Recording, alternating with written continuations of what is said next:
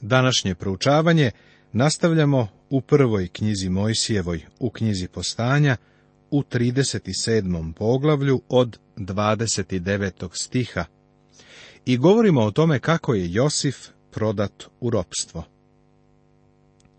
Tako desetorica braće prodaju Josifa Ismailcima koji ga odvode u Egipat. A kad se Ruvim vrati k jami, a to nema Josifa u jami, tada razdre haljine svoje, pa se vrati k braći svoje i reče, nema deteta, a ja ću. Tada uzeše haljinu Josifovu i zaklavši jare zamočiše haljinu u krv. Ne kaže nam da li su rekli Ruvimu šta su upravo učinili, ali mislim da jesu. A verovatno su rekli da nema koristi da juri za trgovcima, jer su do sada već daleko stigli. Tako i on je mogao da im pomogne, da smisle dobru priču koju će ispričati Jakovu. Pa onda poslaše Šarinu haljinu ocu njegovu poručivši. Nađo smo ovu haljinu, vidi je li haljina sina tvojega ili nije. Baš bistro, zar ne? Ponašaju se kao da nikada nisu vidjeli Josifa. Pretvaraju se da su samo pronašli njegovu haljinu.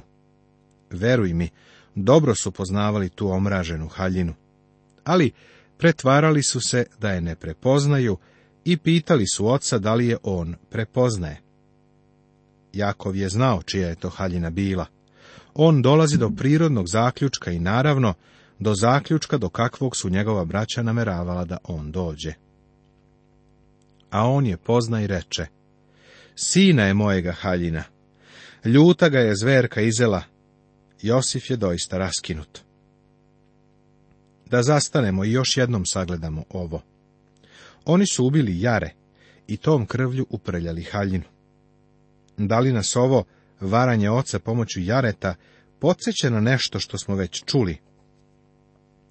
Sjeti se kada su Reveka i Jakov kovali zaveru, uzeli su mladunče da bi spremili čini ukusnog jela i uzeli su kožu jareta i stavili je Jakovu na ruke i ramena da bi prevarili njegovog oca.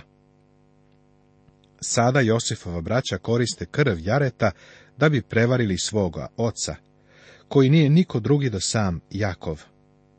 Uručuju mu haljinu i kažu, prepoznaješ li je? Upravo smo je našli u planinama. Izgleda da ga je divlja zver dograbila. Stari Jakov je došao do zaključka da je njegov sin Josif ubijen. Vrlo pažljivo ovo pogledajmo. Jakov je prevaren na potpuno isti način na koji je on varao. Sve mu se vratilo. Ne varajte se, Bog se ne da ismejavati, jer što čovjek seje, ono će i žnjeti, piše u poslanici Galatim u šestom poglavlju Svetoga pisma Novog Zaveta. Ne nešto drugo, ne nešto slično, nego baš isto. Ovaj čovjek Jakov je loše sejao. Koristio se prevarom, a sada kada je postao otac, biva prevaren na isti način na koji je on prevario svoga oca pre mnogo godina. Kada sejemo žito, žanjemo žito. Kada sejemo kukolj, požnjećemo kukolj. Dobijemo upravo ono što sejemo. Ovo je istinito u svakom području u koje se danas pokreneš. Ovo je istina u fizičkoj, moralnoj i duhovnoj sferi. Ovo važi i za vernika. Ako misliš da se možeš izvući sa grehom, jer si Božije dete, onda trebao još nečem da razmisliš. U stvari, bolje bi ti bilo da dobro razmisliš i ne sagrešiš, jer Bog ne gleda ko je ko. On je rekao da će ovako biti, pa ni ti nisi izuzetak. Razgovarao sam sa sveštenikom koji se spetljao sa ženom drugog čoveka. Dok sam razgovarao sa njim, on je pokušavao da se opravda na osnovu toga što je on poseban gospodu. Smatrao je da zbog toga što je on to što jeste, da može da radi malo drugačije i po drugim pravilima nego neko drugi. Ali otkrio je da Bog ne gleda ko je ko. Potrebno je dugo vremena da mečka zaigra i na tvojim vratima, kako se to u narodu kaže, ali ona je to svakako uradila i ovom čoveku. Sada obrati pažnju na Jakovljevu tugu. I razdre Jakov haljine svoje i veza kostret oko sebe i tužaše za sinom svojim dugo vremena. I svi sinovi njegovi i sve kćeri njegove ustadoše oko njega tešeći ga, ali se on ne dadaše utešiti, nego govoraše, s tugom ću u grob leći za sinom svojim. Pa i njegov otac plakaše za njim. Možda će neko misliti da je njegova tuga pokazatelj toga koliko je Jakov voleo sina Josifa. Priznajem da ga je sigurno voleo, ali ta tuga otkriva da Jakov još uvek nije naučio da hoda u veri prijatelju. Setit ćeš se iskustva koje je imao na Fanuilu. Bilo je to ispumpavanje starog ega. Tu je telo izgubilo snagu i slomilo se, ali on sada mora da nauči da hoda u veri. To još uvek nije savladao. U stvari, Jakovljeva vera se spominje u 11. poglavlju poslanice Jevrejima, svetoga pisma Novog Zaveta, ali ništa u njegovom životu se tu ne spominje kao primjer vere sve do vremena smrti. To se njegova vera pokazala. Ovu tugu uporedi sa tugom čoveka kakav je bio car David u drugoj knjizi Samuilovoj u 12. poglavlju Svetoga pisma Starog Zaveta. David je plakao nad svojim dečkićem, koji je umro. Voleo je tog mališana, Baš kao što je Jakov voleo Josifa, ali David je bio čovek vere. Znao je da mu se mališan ne može vratiti, a znao je i to da će jednoga dana on otići kod tog mališana. Kakva vera! Vidiš, Jakov nije hodao u veri prijatelju. Ovo je abnormalna žalost. Prijatelju hrišćanine, možda si izgubio neko voljeno biće, možda ne možeš to da prevaziđeš. Želao bi nežno da ti kažem, ne grubo, nego baš nežno, nauči da hodaš u veri. Veru pokazuješ kada shvatiš da tugom ne možeš vratiti onoga za kim tuguješ. Tuga ti ne donosi nikakva dobra. Ako si Božje dete i tuguješ nad nekim koje je Božje dete, onda hodaj u veri vidjet ćeš da jednom više nikada nećete biti odvojeni. Ovaj svet nema veru. Oni tuguju kao ljudi bez nade. Hrišćanski prijatelju, ti možeš hodati u veri. Posljednji stih ovog poglavlja prati Josifa u Egipat. Amadijanci prodadoše ga u misir Petefriju, dvoraninu Faraonovu, zapovedniku stražarskom. Ovdje ćemo ostaviti Josifa i sa pričom o njemu nastaviti u poglavlju 39. Poglavlje 38. Ovo je još jedno poglavlje koje izgleda neophodno isto koliko i peta noga kravi. Kada pročitaš priču, možda ćeš poželiti da je izostavljena iz Biblije. Mnogi su me pitali zašto je ovo poglavlje u Božjoj reči. Slažem se sa tim da je ovo jedno od najgorih poglavlja u Bibliji, ali nam ono daje neke pozadinske podatke o judinom plemenu iz koga je potekao gospod Isus Hristos. Ova činjenica ovo poglavlje čini značajnom i zato je uključeno u biblijski zapis. U ovom poglavlju pročitat ćeš imena kao što su Juda, Tamara, Fares i Zara. Ako ti se čini da ti zvuče poznato, to je zato što si o njima čitao u prvom poglavlju Evanđelja po Mateju, svetoga pisma Novog Zaveta. Nalaze se u rodoslovlju gospoda Isusa Hrista. Prijatelju, ovo je neverovatno. Naš gospod je došao kroz grešnu lozu. On je u svemu načinjen kao mi, ali je ipak on sam bio bez greha. Došao je u ljudsku lozu gde su svi sagrešili i bili lišeni slave Božje. Ovo poglavlje se bavi judinim grehom i sramotom. To me navodi da kažem da Jakovljevi sinovi nisu bili od neke utehe svome ocu. Izgleda kao da su svi oni bili problematična deca, sa izuzetkom Josifa i Venjamina. A Josif nije bio od utehe, jer je srce njegovog oca bilo slomljeno, zbog Josifovog nestanka. Sve ovo nam otkriva da je Jakov previše vremena proveo u padan Aramu, stičući imanje, umjesto da je poučavao svoju decu. Koliko je samo bio drugačiji od Avrama. Seti se da je Bog rekao o Avramu sljedeće. Jer znam da će zapovediti sinovima svojim, u domu svojemu nakon sebe da se drže puteva gospodnjih i da čine što je pravo i dobro, da bi gospod navršio na Avramu što mu je obećao. Ovo je zapisano u prvoj knjizi Mojsijevoj u 18. poglavlju Svetoga pisma Starog Zaveta. Ali Jakov nije to učinio. Tamo je bio tako zauzet borbom sa ujka Lavanom, da nije imao mnogo vremena za svoje sinove.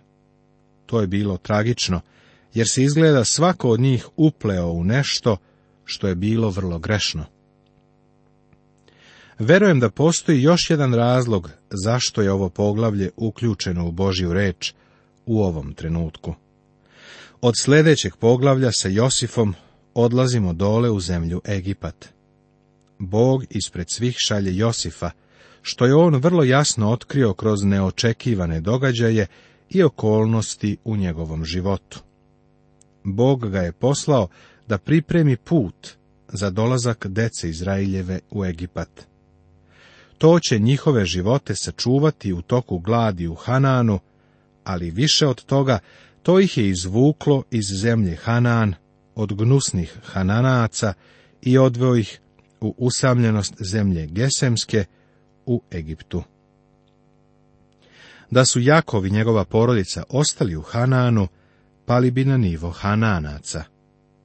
Poglavlje koje je pred nama otkriva nam neophodnost izbavljanja Jakovljeve porodice od degradirajućeg uticaja Hananaca. Judin greh i sramota Ovo je priča o Judi, čija će loza postati carska loza među Izraeljevim plemenima. A u to vrijeme dogodi se, te Juda otide od braće svoje i uvrati se kod nekoga od Olamejca, kojemu ime beše Iras. I onda vide Juda kćer nekog Hananejca, kojemu ime beše Sava, i uze je i leže s njom. On je radi posla otišao dole kod nekog od Olamejca. Kada je tu stigao, video je ovu Hananejku i s njom je imao ljubavnu vezu. I opet zatrudnevši rodi sina, kojemu nadede ime Avnan, i opet rodi sina i nadede mu ime silom, a Juda beše u Hasvi kad ona njega rodi. I Juda oženi prvenca svojega Ira devojkom po imenu Tamarom. Ovde se Tamara prvi put pojavljuje. Ona ovako ulazi u Hristov rodoslov. Pogledaj sada ovu porodicu. Pretrpana je puna greha. Ali Ir, prvenac Judin, beše nevaljao pred gospodom i ubi ga gospod. A Juda reče Avnanu, uđi k ženi brata svojega i oženi se njom na ime bratovo, da podigneš seme bratu svojemu. A Avnan, znajući da neće biti njegov porod, kad legaše sa ženom brata svojega, prosipaše na zemlju, da ne rodi dece bratu svojemu. Ali gospodu ne bi milo što činjaše, te ubi i njega. Ovo nas podsjeća na sadašnje doba, u kome je veliki akcenat stavljen na seks. I Juda reče Tamari snasi svojoj, ostani udovicom u kući oca svojega dokle odraste silom sin moj, jer govoraše da ne umri i on kao braćamo. I otide Tamara i življaše u kući oca svojega. U to vrijeme postojao je običaj da kada čovjek umre, njegov brat treba da oženi udovicu. Avnan je odbio da to uradi, pa je bio ubijen. Sada Juda ima još jednog sina koji raste, pa kaže svojoj snahi da se drži običaja i vrati kući svoga oca, sve dok mlađi sin ne bude spreman za ženitbu. A kad prođe mnogo vremena, umre kći Savina, žena Judina. I kad se Juda uteši, pođe u tamnu k ljudima što mu strizah u ovce, sam sa Irasom, prijateljem svojim odolamejcem. I javiše Tamari govoreći, eto, svekar tvoj ide u tamnu da striže ovce svoje. Očigledno je ovaj dogovor koji je Juda imao, a koji je bio povezan sa susretima sa ovim odolamejcem, koji se zvao Iras, bio u vezi sa ovcama. Oni su gajili ovce i verovatno su zajedno imali ogromno stado. Juda odlazi tamo da ih striže. U vremenu, Tamara sve to vrijeme čeka kod kuće. Ona dolazi do zaključka da Juda nema nameru da joj da silu za muža. A ona skide sa sebe udovičko ruho svoje i uze pokrivalo i pokri lice i sede na raskršće na putu koji ide u tamnu, jer vide da je silom odrastao, a nju još ne udaše zanj. Sila je naravno bio treći judin sin. Tamara uviđa da juda ne namerava da nju da sili kao ženu. Zato ona stupa u akciju. Skida odeće udovice i seda pokraj puta sa prekrivenim licem, što je bio običaj koje su imale prostitutke pa svrnu s puta k njoj i reče joj, pusti da legnem s tobom, jer nije poznao da mu je snaha. A ona reče, šta ćeš mi dati da legneš sa mnom? Stičemo sliku o judi. On je s namerom došao kod Hananejke, Savine kćeri. Sada isto čini sa Tamarom.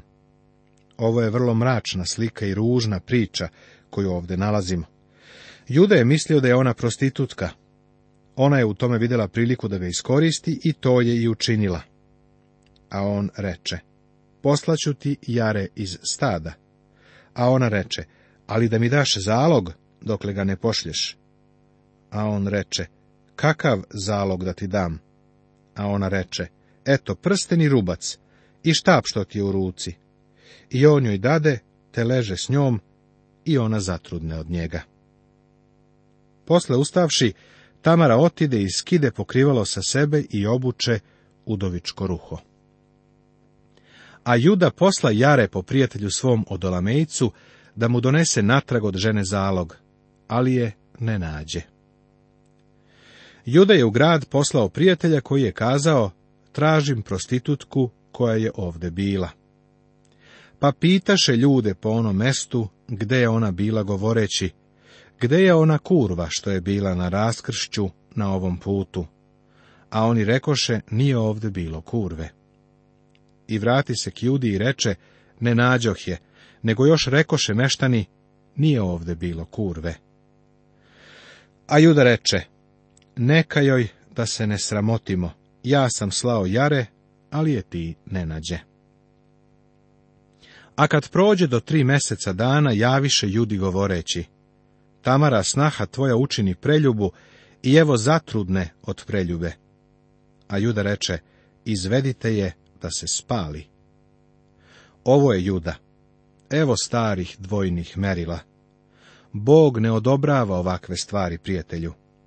Ovo se nalazi u njegovoj reči, ali to ne znači da on to odobrava. Njegov narod se ponaša isto kao i hananejci, a to ponašanje je razlog zbog čega će ih Bog izvesti iz te zemlje i odvesti u Egipat. Tamo će ih odvojiti i izolovati u zemlji Gesemskoj, da bi se uklonili od ovog strašnog uticaja. Ovaj događaj nam otkriva koliko je neophodno da Bog to učini. Juda postupa na način koji je neverovatno loš. U stvari on je brz kad treba da uvidi greh na nekom drugom, ali ga na sebi ne uviđa. To nas podsjeća na vreme kada je Natan otišao kod Davida i ispričao mu priču o čoveku koji je imao jedno malo jagnje. Kada je Natan rekao da je bogataš došao i uzeo ga, David je brzo osudio bogataša. David je reagovao baš kao juda ovde. David je rekao da želi da se taj bogataš kamenuje na smrt. Onda je Natan objavio da je sam David taj čovek. Zanimljivo je da svi mi vrlo jasno uviđamo greh u drugima, ali ga ne vidimo u nama samima. Nastavit će se.